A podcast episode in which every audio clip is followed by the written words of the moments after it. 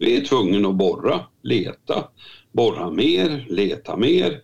Och det prospekteringsarbete som vi då har bedrivit sedan dess i mycket hög fart och satt mycket stora resurser på, det fortsätter. Och då kan man ju tolka det, vi är inte färdiga att kunna ge några resultat om vad det har gett och sådär. Men det faktum att vi fortsätter att satsa mer och mer resurser i prospekteringen tror jag skulle leda till slutsatsen hos många att något har de hittat i alla fall. Du hører på Havnens hus, en podkast fra Narvik havn. Det er snart slutt på de kjente malmforekomstene i Kiruna, og LKB arbeider intensivt for å finne mer malm. Det forteller direktør for strategiske prosjekt i LKB, Bo Krogvik. Og LKB skal transportere mer malm på Ofotbanen de neste årene, og med flere malmtog, godstog og persontog er det behov for dobbeltspor. Men er LKB-direktøren optimistisk til å få det realisert? Jag vet fan om jag är optimistisk. Men jag tror man ska vara realistisk. Jag tror att gör vi ingenting kommer ingenting att hända. Nu behövs det lite politisk vilja och lite politiskt mod ifrån våra huvudstäder. I denne episoden av Havnens hus skal vi også snakke mer om LKABs mål om å sette en ny verdensstandard for gruvevirksomhet på store dyp. Men først. I forrige episode av Havnens hus fortalte områdedirektør Tor Brekkan i Bane NOR at det daglig går 20-21 tog i hver retning på Ofotbanen, og at det begynner å nærme seg toppen av den kapasiteten som er. I dag skal vi snakke mer om dobbeltspor, og havnedirektør Rune Arnøy, hvorfor er dette dobbeltsporet så viktig? Fordi at eh, togene eh, som eh, vil kjøre, vil gjerne være lenger. Lange tog gir større lønnsomhet og større eh, utnyttelse. Eh, og hvis vi skal klare å ivareta de ønskene som ikke bare de aktørene har, men også det voksne volumet innenfor både malm og mineraler, og også fiskeri, så er vi nødt til å ha en bedre kapasitet enn det vi har i dag. Derfor blir dobbeltsporet viktig. LKB står for store deler av eh, trafikken og kjører daglig 10-11 malmtog i hver retning på Ofotbanen. Og Vi har også med oss eh, Bo Krogvig. Du er direktør for strategiske prosjekt i LKB. og Hvor viktig er da dobbeltspor for LKB? Nej, men man kan säga det så här, va, att vi, eh, vi har, det är ju problem med tillgängligheten på banan. Den är ju stängd för ofta. Eh, och med dubbelspår så skulle vi få större tillgänglighet. Eh, dessutom så kör vi ju nu 10-12 tåg om dagen och vi har ju en fortlöpande plan på att öka produktionen. Eh, och samtidigt som vi vet att sjömatindustrin, det är ju inte frågan om, om, om, utan det är frågan om när exporten av lax, lax och torsk och annat kommer att öka kraftigt på banan. Och då är vi rädda för, eftersom det finns ett europeiskt regelverk för det här, att vi kan tappa tågtider eller tåglägen eller slots Eh, eftersom alla har ju samma rätt till banan. Det är ju inte vår bana. Vi skal komme tilbake til det, men først, kan ikke du gi en minipresentasjon eh, av LKAB? Ja, LKAB vi har funnits nu i 130 år tror jag det är. Och, har ingen, och som sånt är vi nog ett av eh, Nordens äldsta industriföretag som håller på med ungefär samma sak vi bryter och förädlar järnmalm. Och för vår del så handlar det om att vi bryter järnmalm i Malmberget och i Kiruna och i Svappavaara. Och det är, Malmberget och Kiruna är ju världens två största underjordsgruvor för järnmalm. Så förädlar vi järnmalmen till pellets, små runda kulor eller kulsinter som det heter på svenska.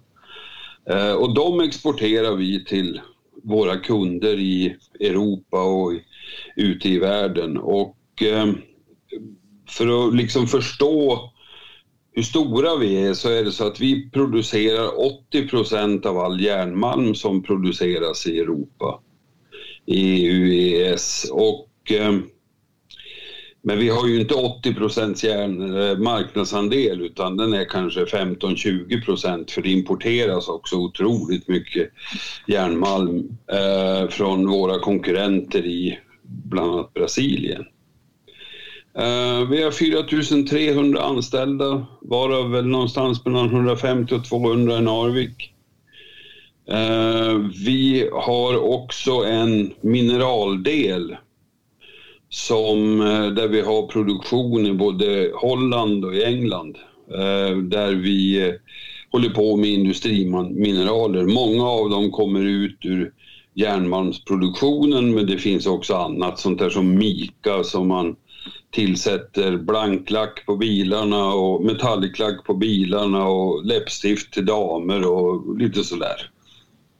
Och så är det ansatte i eh, har jag lärt mig eh, fortelle. Og du är ju i koncernledelsen i ett sällskap som i hvert fall de siste årene har gått eh, svært godt, også økonomisk. Ja, det har vi. vi har, det är ju så att det går... Det här är som att åka berg och dalbana. Alltså, våra resultat hänger ju helt ihop med järnmalmspriserna. Och man ska ju komma ihåg att 2011 i februari så fick man i det här jämförelsepriset vi använder 190 dollar per ton. Men vid årsskiftet 2015-2016 då fick man 39. Och det är klart att när priserna var som de var 2011 då sprutade pengarna in i företaget. Men de sprutade ännu starkare ut 2015-2016. Så det enda sättet vi kan hantera att världsmarknadspriserna på järn sätts någon annanstans i Kina är ju att se till att vi själva är så kostnadseffektiva som det bara går så att vi överlever lågprisperioder och i högprisperioder kan sätta av pengar till de enorma investeringar vi måste göra i framtiden. Och så har eh, selskapet vært nødt til å bruke mye penger de siste årene òg. Man har investert mye. Og, og, eh, og eh, det vi eh, bl.a. tenker på, er jo det som har skjedd i, i, i Narvik med bygging av store siloer, og, og, ikke minst det som skjer i, eh, i, Kiruna, hvor man allerede er i gang å flytte halve byen, holdt jeg på å si, og, det er finansiert av LKB. Ja, det är ju så. Jag menar, fram till, ja, från någonstans 2007-2008 fram till 2015 ungefär så investerade vi, tror jag, vad var det, 60 miljarder kronor. I, och där Sila var ju en av de delarna, men det var nytt pelletsverk i Kiruna, var nya huvudnivåer i Malmberget och Kiruna och så vidare och så vidare. Ehm, och samhällsomvandlingen i Kiruna är ju, kostar ju naturligtvis pengar, men den hänger ju ihop med den brytning som vi har idag den, för att kunna göra den brytningen och det vi planerar fram till att nuvarande huvudnivå är utbruten. Eh, det är ju det som samhällsomvandlingen handlar om fram till 2035. Det är ju samhällsomvandling i Malmberget också, men den är av lite annan karaktär för där läggs ju nästan Malmbergets samhälle ner och så förtätar man samhället Gällivare som ju ligger en, ja, några kilometer därifrån. Men så kommer eh, hösten 2018 eh, en chockmelding om att eh, malmreservene i Kiruna är långt mindre än det dere hade trott tidigare och att det nu faktiskt kastar med att finna mer malm. Kom det som ett chock också för sällskapet själv? Ja, det tror jag det gjorde. Um, jo, nej men det där var ju... Vi, vi hade nog levt i en myt sedan lång tid tillbaks att den där... Äh, för malmkroppen i Kiruna är ju som en brödskiva. Den är 80 till 100 meter tjock. Den är 4 kilometer bred. Och så sa man att den är öppen emot djupet. Nu visar det ju sig det äh, att på halva den här kroppen så tar det slut i och med nuvarande huvudnivå. Men det fortsätter på norra sidan eh, och går djupare där. Det har man funnit ut eh, allerede, eller det har man visst om en del år? Ja, men man har nog inte dragit de operativa slutsatserna utav det tidigare. Vad du tänkte Rune, när du, fick, eh, när du läste det i avisen, eller du hörde om det första gången, att nu var det liksom slut på eh, Malmen i Kiruna. Det var ju nästan uppslagen i både nordsvenska aviser och i, i, i de nordnorska. Jeg ble eh, veldig overraska, for eh, som Bo sier, så har jeg jo hørt om at det var malm i store mengder, og at eh, malmkroppen forventa å bli både større og renere jo dypere man kom. Og når da opplysninga kom om at det på langt nær var slik, så, så måtte man jo begynne å tenke seg om eh, hva gjør man så. For tar det her slutt eh, i Kiruna, så får vi også utfordringer i Narvik. Sånn sett så er jo Narvik og Kiruna på mange måter siamesiske tvillinger, kan man jo si på en måte. Vi er avhengige av hverandre. Eh, gruvedrifta i Kiruna, for de skal være effektiv og god, er avhengig av en dyp, isfri eh, havn eh, til enhver tid, og har en rask og god jernbane med tilstrekkelig kapasitet. Så heldigvis så jobber LKAB videre på en skikkelig seriøs måte, og det har vi vært vant til i alle år. Ja, Hva har skjedd siden da, Bo? Er det noe resultat av den kan vi kalle det for malmleting som foregår? Om man ska uttrycka sig lite eh, slarvigt eller sådär så kan man ju säga att vi levde i en myt. Och i den myten så fanns ju mineraliseringen där för evigt. Vi måste göra klart en sak. Malm, det är ett ekonomiskt begrepp på en mineralisering som är lönsam att bryta. Innan det har blivit, man har liksom kartlagt att det är lönsamt att bryta så är det inte malm utan då är det en mineralisering med järn och, som vi har. Men, men det som hände då, det är ju den, vi blev då från att ha levt i den här myten så blev vi som alla andra gruvbolag i hela världen. Vi är tvungna att borra, leta, borra mer, leta mer och det prospekteringsarbete som vi då har bedrivit sedan dess i mycket hög fart och satt mycket stora resurser på, det fortsätter. Och då kan man ju tolka det, vi är inte färdiga att kunna ge några resultat om vad det har gett och sådär.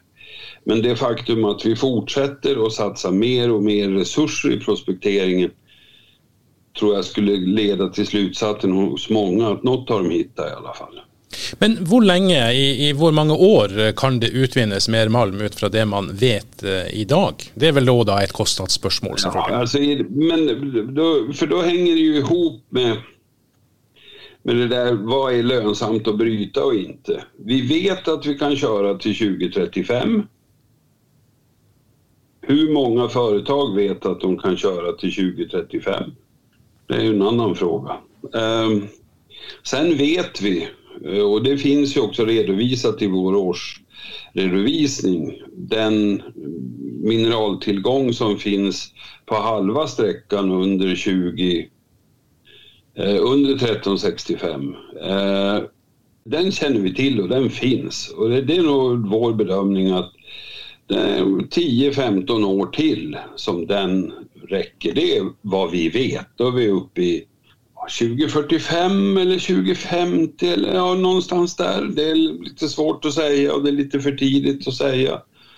Och sen så det borrningsarbete som vi nu gör, prospekteringen handlar ju om att kartlägga det vi ska göra därefter.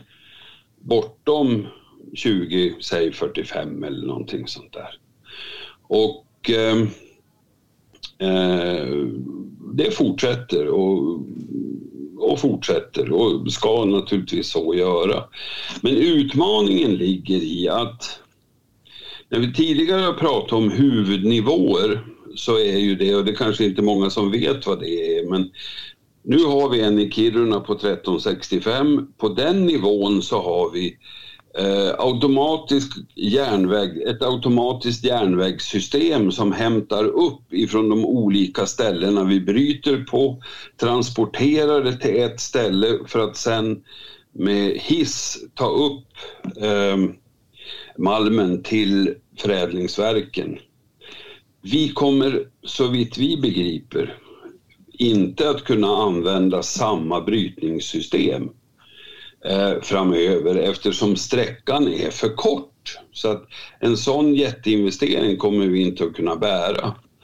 Och därför är ju en av de stora eh, programmen som vi håller på med nu heter ju Sustainable Underground Mining och där vi tillsammans med några världsledande företag som Epiroc som tillverkar gruvmaskiner, som Sandvik som också gör gruvmaskiner, ABB som är världsledande på, eh, jag skulle säga system för gruvutveckling eh, och Combitech som är ett mycket framstående mm, civilingenjörsbolag kan man väl säga, håller på att konstru konstruera ett nytt brytningssystem som är eh, Eh, elektrifierat, CO2-fritt därmed, som är digitaliserat och till stora delar autonomt. Och, då, då, och det är ju för att vi ska kunna sätta en ny världsstandard för gruvdrift på stora djup. Och när, det när vi är klara med det så då, och det håller vi på med och håller på med några år. Vi har en testgruva i Kiruna. Vi har byggt upp en virtuell testgruva för vi måste ha en annan sorts design om de här maskinerna ska gå själva och sådär. Eh, så, och där vi nu liksom år för år börjar att sätta i verket eh, det som vi liksom prövar i testgruvan och i den virtuella gruvan. Och det här kommer, arbetet kommer att fortsätta under de närmaste fem sex åren in till dess att vi måste fatta beslut om den nya stora investeringen och det är väl någonstans runt 2025. Och det gäller ju inte bara Kirunagruvan, det gäller ju också i hög grad Malmbergsgruvan. Så investeringen, arbeidet, alt eh, fortsetter med fullt trykk. Og så eh, flyttingen av, eh, av, byen, som det fortsatt er mye omtale av. Ja, flyttningen av, av samhällsomvandlingarna, både Malmberget och Kiruna, det ligger inom de brytningsplaner som vi har nu. Och de brytningsplaner som vi har efter 2035, de kan ju eventuellt leda till mer Mm, samhällsomvandling, det vet vi inte än. Vi skal komme eh, mer inn på eh, detta dette med dobbeltspor på, på Ofotbanen. Og, og, eh, da handler det jo mye om prognoser for produksjonen og for antall tog i løpet av de neste årene. Vi har jo ganske nylig snakka med Tor Brekkan, som er områdedirektør i Bane Nor, om det her med, med kapasitet. Og Det er ikke noe tvil om at skal det transporteres mer malm, mer gods eh, og, og passasjerer i fremtida, så, så, må det et dobbeltspor på plass. Men, men hva er prognosene for deres produksjon nå de her nærmeste årene? I, hvor mange millioner tonn i, i året er det snakk om? Ja, men vår grundläggande plan ligger ju fast. Det är ju att vi ska öka produktionen med 5 year on year. Um, och det får ju effekter naturligtvis också för Malmbanan och Ofotbanan. Eh, sen när vi tar nästa steg efter 2035 då eh, ska vi ha nya produktionsmetoder. Vi måste gå upp i skala för att få det ekonomiskt lönsamt. Och då kan man nog se för sig att eh, produktionen blir ännu större. Kan du antyda någonting om vilken störelse? Nej. Det var ett kort svar. Men jag ska, ska ändå säga att vi har rekord i förädlingen i Kiruna första halvåret i år. Så att... Eh, men liksom, och det här utvecklar sig och vi utvecklar ju också företaget till fler spår. Va? Det, det där är ju det ena med Sustainable Underground Mining. Men vi har ju bestämt oss för att vi ska få en värdekedja som är eh, koldioxidfri från berget fram till ståltillverkningen. Och då är ju det här som jag nämnde, SUM, en Sustainable Underground Mining, det programmet är ju, kan man säga, för att gör, ta loss malmen ur berget och frakta upp det till förädlingen. Nästa steg handlar ju om att få en koldioxidfri förädling och idag eldar vi våra pelletsverk med kol i Kiruna och Svappavaara och med olja i Malmberget. Och vad vi nu håller då på att utreda är helt nya värmningstekniker. kan vara vätgas, alltså hydrogen. Det kan vara plasma eller det kan vara elektrifierat. Eh, och som ett prov och en del i det här hybridprogrammet som jag ju också måste nämna i det här sammanhanget så kommer vi från nu i sommar att kunna börja producera fossilfri pellets i ett av pelletsverken i Malmberget. Och där använder vi då en avfallsprodukt från eh, pappersindustrin, eh, tallbeckolja, som eh, värmningskälla. Men då, då är ju det fossilfritt, det är inte CO2-fritt och därför är ju liksom vår forskningsinsats nu inriktad på att få koldioxidfri värmning i pelletstillverkningen. Sen kommer ju hy Hybrid, eh, programmet som vi håller på med tillsammans med SSAB och Vattenfall. Och det handlar ju om att gå ett steg till i den metallurgiska processen och tillverka det som vi i Sverige kallar för järnsvamp. Det vet jag inte vad det heter på norska. Men det är eh, alltså direkt reducerat järn kan man säga. Det har en järnhalt på 92-94 procent istället för ungefär 68-70 som pelletsen har idag. Och då betyder ju det att på lite sikt vi ska ju nu bygga en demonstrationsanläggning eh, antingen i Malmberget eller i Luleå eh, för eh, en, en, demonstrationsanläggning för att testa den industriella skalan. Eh, men vår tanke är nog att vi ska gå vidare med den teknologin och steg för steg gå ifrån pellets till till direktreducerat järn som ska bli vår produkt ut på marknaden. För gör vi det, det som då kommer att hända är att vi befriar våra kunder från ungefär hälften av det koldioxidutsläpp som Sverige har idag. Det är enorma volymer. Det handlar liksom om 20-25 mil miljoner ton eh, koldioxid. Och då och det här som du hör, eller som ni hör, så det här Sustainable Underground Mining, där ska vi sätta en ny världsstandard för gruvproduktion på stora djup. Vi ska utveckla en helt ny teknik för pelletsen och vi utvecklar nu tillsammans med SSAB och Vattenfall en helt ny teknologi när det gäller att tillverka stål. Och precis som tidigare så är LKABs överlevnad avhängigt av att vi leder kvalitetsutvecklingen på marknaden. För för kvalitet får man premium. Eh, det här med, med att gå vidare från pellets till, eh, till, eh, till svamp, som du säger, järnmalmssvamp. Det, I ett deriverk, har man inte snackat om det också i förhållande till Narvik tidigare? Jo, det kan man väl göra. Alltså, det är ju många som... Det som händer i Europa just nu, masugn, Heter det på norska också? Ja, det, det, det, det är vi känt med. Det kan vi bruka. Ja, masugn, det heter väl det nesten det samme på norsk, masovn. Og eh, det er jo den sentrale produksjonsenheten på et jernverk, hvis jeg ikke tar mye feil. Masovn, masugn, det er nesten det samme på norsk og svensk. Ja, det är blast furnace på engelska. Ja. Det är ju en teknologi som är ungefär 1500 år gammal. Eh, och den skickar ut otroligt mycket CO2.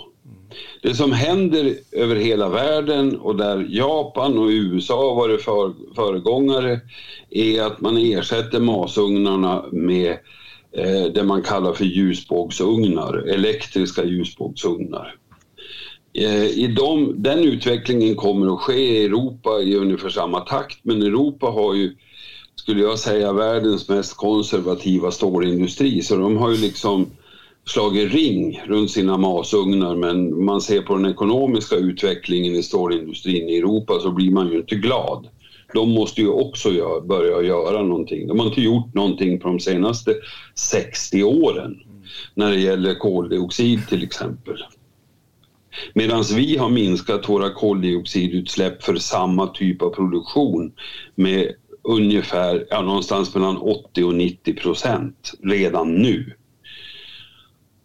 Och då är det klart att kommer det att bli fler och fler ljusbågsugnar i Europa så kommer ju fler och fler vilja vara med och tillverka tillverka direktreducerat järn för ljusbågsugnarna. Mm. Eh, och det föreställer jag mig att sådana direktreduktionsverk kommer att dyka upp där det finns närhet till eh, konkurrenskraftig energi. Det är ju utrolig eh, spännande. Eh, for att komma litt inn på ehm, um, utskipningsanleggene som eh, uh, LKB har i uh, Luleå og ikke minst da her i, i, Narvik, så er det jo ganske nylig fremsatt uh, påstander i leserinnlegg i nordnorske aviser, og som jeg ser at uh, også LKB har svart på, at det ikke er nødvendig med dobbeltspor, og at LKB planlegger å transportere mer malm over Luleå i, i fremtida, mindre over Narvik.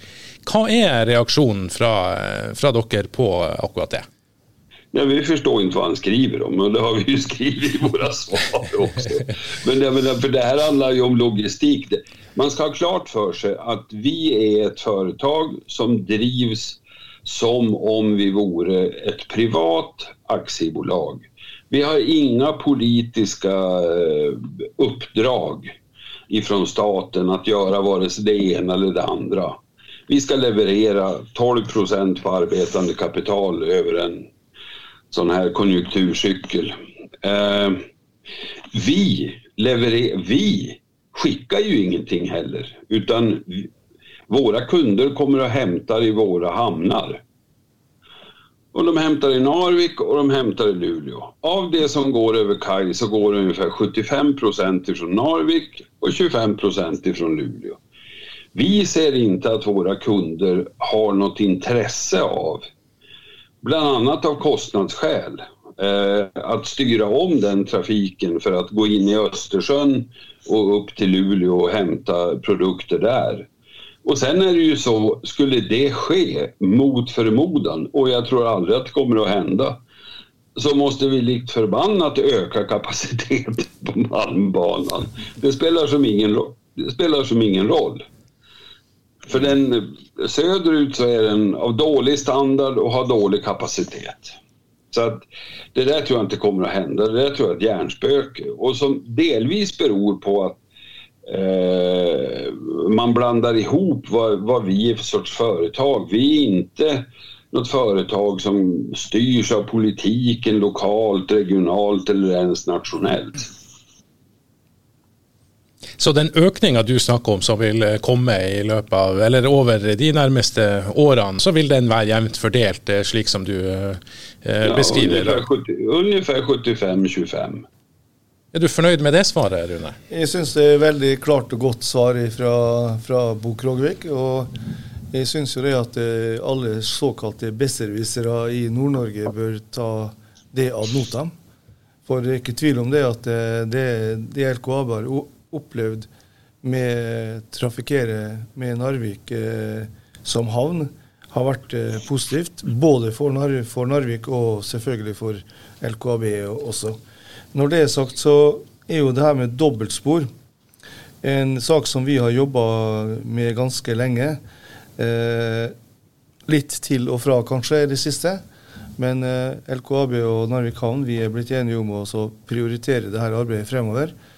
Og bare til orientering så kan jo jeg nevne i denne sammenhengen at eh, de programmene som skrives i forhold til den norske valgkampen som starter over sommerferien, eh, så sender vi fra Narvik havn på vegne av oss begge et brev for å fortelle hvor viktig Malmbanen og Ofotbanen er for en tverr eh, grenseoverskridende jernbane Norge-Sverige, og som også Eh, kan ha kapacitet i forhold til både Finland og faktisk hele veien til Stillehavet. Så det kan komme til å bli en betydelig vekst.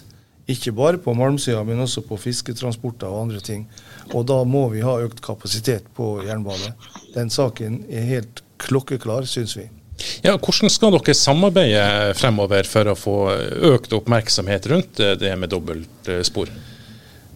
Narvik havn, vi eh, har fått mandat fra vår eier, Narvik kommune, til å jobbe mot eh, norske myndigheter sammen med ledende politikere og næringsliv i denne eh, regionen som vi er en del av. Og vi jobber da tett sammen med LKAB og har både samkjørte program workshoper. Og også litt sånn hver for oss ved at BO har ansvaret for og LKAB får den svenske biten og vi får den norske, men vi er avhengig av å kunne støtte hverandre, være med hverandre der det trengs, enten det er på det norske Stortinget eller det er den svenske riksdagen. Her må vi, det her må vi løfte helt til topps rent politisk for å få våre beslutningstakere på sentralt nivå til å skjønne at skal man ha effektive transportkorridorer til beste for næringsliv og bosetting, så må man også innse hvilke reelle behov det er for å kunne ivareta det på en god måte. Så jeg er veldig glad for at eh, LKAB eh, og vi har funnet sammen og jobber sammen, og at vi får det her til eh, sammen. Men hvor realistisk er det at man får det på plass? Altså, det har vært eh, jobba over flere år med å få bygd et, et dobbeltspor. Eh, hvorfor er det ikke allerede bygd, for å si det sånn? Det er politikk som gjør at ikke det inte er allerede bygd. og det er helt klart at Hvis ikke vi er profesjonelle i lobbyarbeid overfor politikere, og vi kan gjerne si byråkrater tilhørende politikerne, så, eh, så når vi ikke frem. Vi må være på hele tida. Dette er ikke en innsalgsprosess som vi gjør én gang. Vi må gjenta og gjenta. Og så er det jo i disse tider hvor man snakker veldig mye om miljø, du finner jo ikke et bedre eksempel på eh, hvordan du kan eh, jobbe ett frem et godt miljøalternativ, som nettopp LKAB sin malmtransport fra Kiruna til Narvik, der de produserer sin egen strøm sjøl som de kan kjøre, i, bruke og kjøre hjemme. Det, jeg har ikke sett på maken noen andre plass i verden enn akkurat dette. Så jeg syns det, det, taler for seg sjøl at eh, her går man foran med LKAB som et stort industriforetak i spissen for å løfte frem det grønne skiftet. Men et dobbeltspor bare på norsk side eh, hjelper ikke veldig mye på. og Da handler det om bygge, at det må bygges noe på, på begge sider av, av, grensen. Og, og, Jobbes det på samme måte opp mot politikerne i, i, i Sverige òg, Bo? Ja, alltså det, på svenska sidan så pågår det en av EU delfinansierad järnvägsutredning och det är ju i den man fastställer tracé, och sådana där saker. Det pågår på de första, om jag minns, 86 kilometrarna eller någonting sånt. Och på norsk sida har man ju tittat på att komma under Björnfjällplatået med en tunnel ifrån Kattejokk till Katterat. Eh, och jag vet inte hur långt planeringen har gått där men eh, min erfarenhet ifrån ett långt liv när det gäller infrastruktur är att det gäller att se till att planeringen rullar på. För det, tar, det är så enormt lång tid ifrån det att man har bestämt sig för att man vill till det att spaden är i jorden. Så det, för oss är det lika viktigt liksom att se till att planeringen fortsätter. Men sen är ju, menar ju vi att de svenska och norska regeringarna och kanske också den finska borde komma tillsammans för att titta på detta östvästliga godsstråk som det är frågan om. Dels från Narvik ner till Boden, eh, snedstreck Luleå, eh, men också ifrån Svappavaara eh, till Pajala och över till anknyta till den finska järnvägen i Kolari. Mm. Eh, därför att om, om man tittar på de mineralresurser som finns i den här delen av världen, Fennoskandiska skölden kallas det. Här finns allting mm. som EU eller Europa behöver när det gäller batterimetaller, när det gäller järn, när det gäller koppar, när det gäller sällsynta jordartsmetaller. Så det där är ju bara en fråga egentligen om vi vill vara med och ta ansvar för en framtida hållbar utveckling eller inte. Och vi driver på utredningsarbetet på vår sida. Eh, det gör vi. Och nu ser det ju ut som att vi nästan kommer att få parallella processer i Norge och Sverige när det gäller nästa nationella transportplan. Och då är ju vårt mål att i de planerna skruva in tydliga åtaganden när det gäller Malmbanan och Ofotbanan. Vi tror ju inte att de kommer att bygga dubbelspår på en gång. Eh, utan att det där kommer ju att tas i etapper. Och då tror jag att de här två första delarna, tunneln, Katterat, Kattejock och de här första 86 kilometrarna från Kiruna. Det tror jag skulle öka kapaciteten med 40 procent om jag minns rätt. I det som är Sveriges och Norges mest samfundsekonomiskt lönsamma järnvägsprojekt. Utmaningen ligger ju i att det är två länder och att järn, vare sig järnmalmspellets eller dölax har rösträtt. Men det har ju de som står på järnvägsstationerna runt Stockholm och Oslo i inlandet och sådär. Och därför hamnar gärna lite mer pengar där än hos oss. Och i det här arbetet så vill du alltså nu ha med Finland också, för det är helt naturligt att, att, att tänka en sträckning från, från Pajala och, och ända eh, närmare Finland och, och mot Narvik. Ja. Och, men och sker det, då måste det till ett dubbelspår. Helt, helt enig, Bo. Det, det tror jag kommer till att ske det också, men det vill ju ta selvfølgelig lång tid det också. Men vi har ju tagit, hade på blocka tidigare i de såkalte miniseminarene som vi har hatt i Narvik, der vi har både hatt norsk jernbane og svensk jernbaneadministrasjon til stede. og eh, Helt frem til Northland gikk konkurs, så var det fortsatt på blokka tungt inne i, i Trafikkverket i Sverige.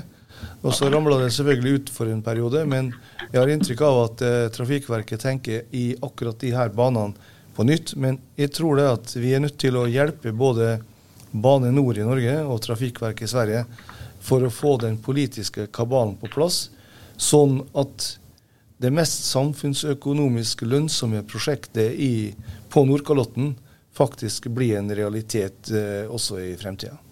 Er dobbeltspor avgjørende for at LKB kan øke produksjonen i, i årene som kommer?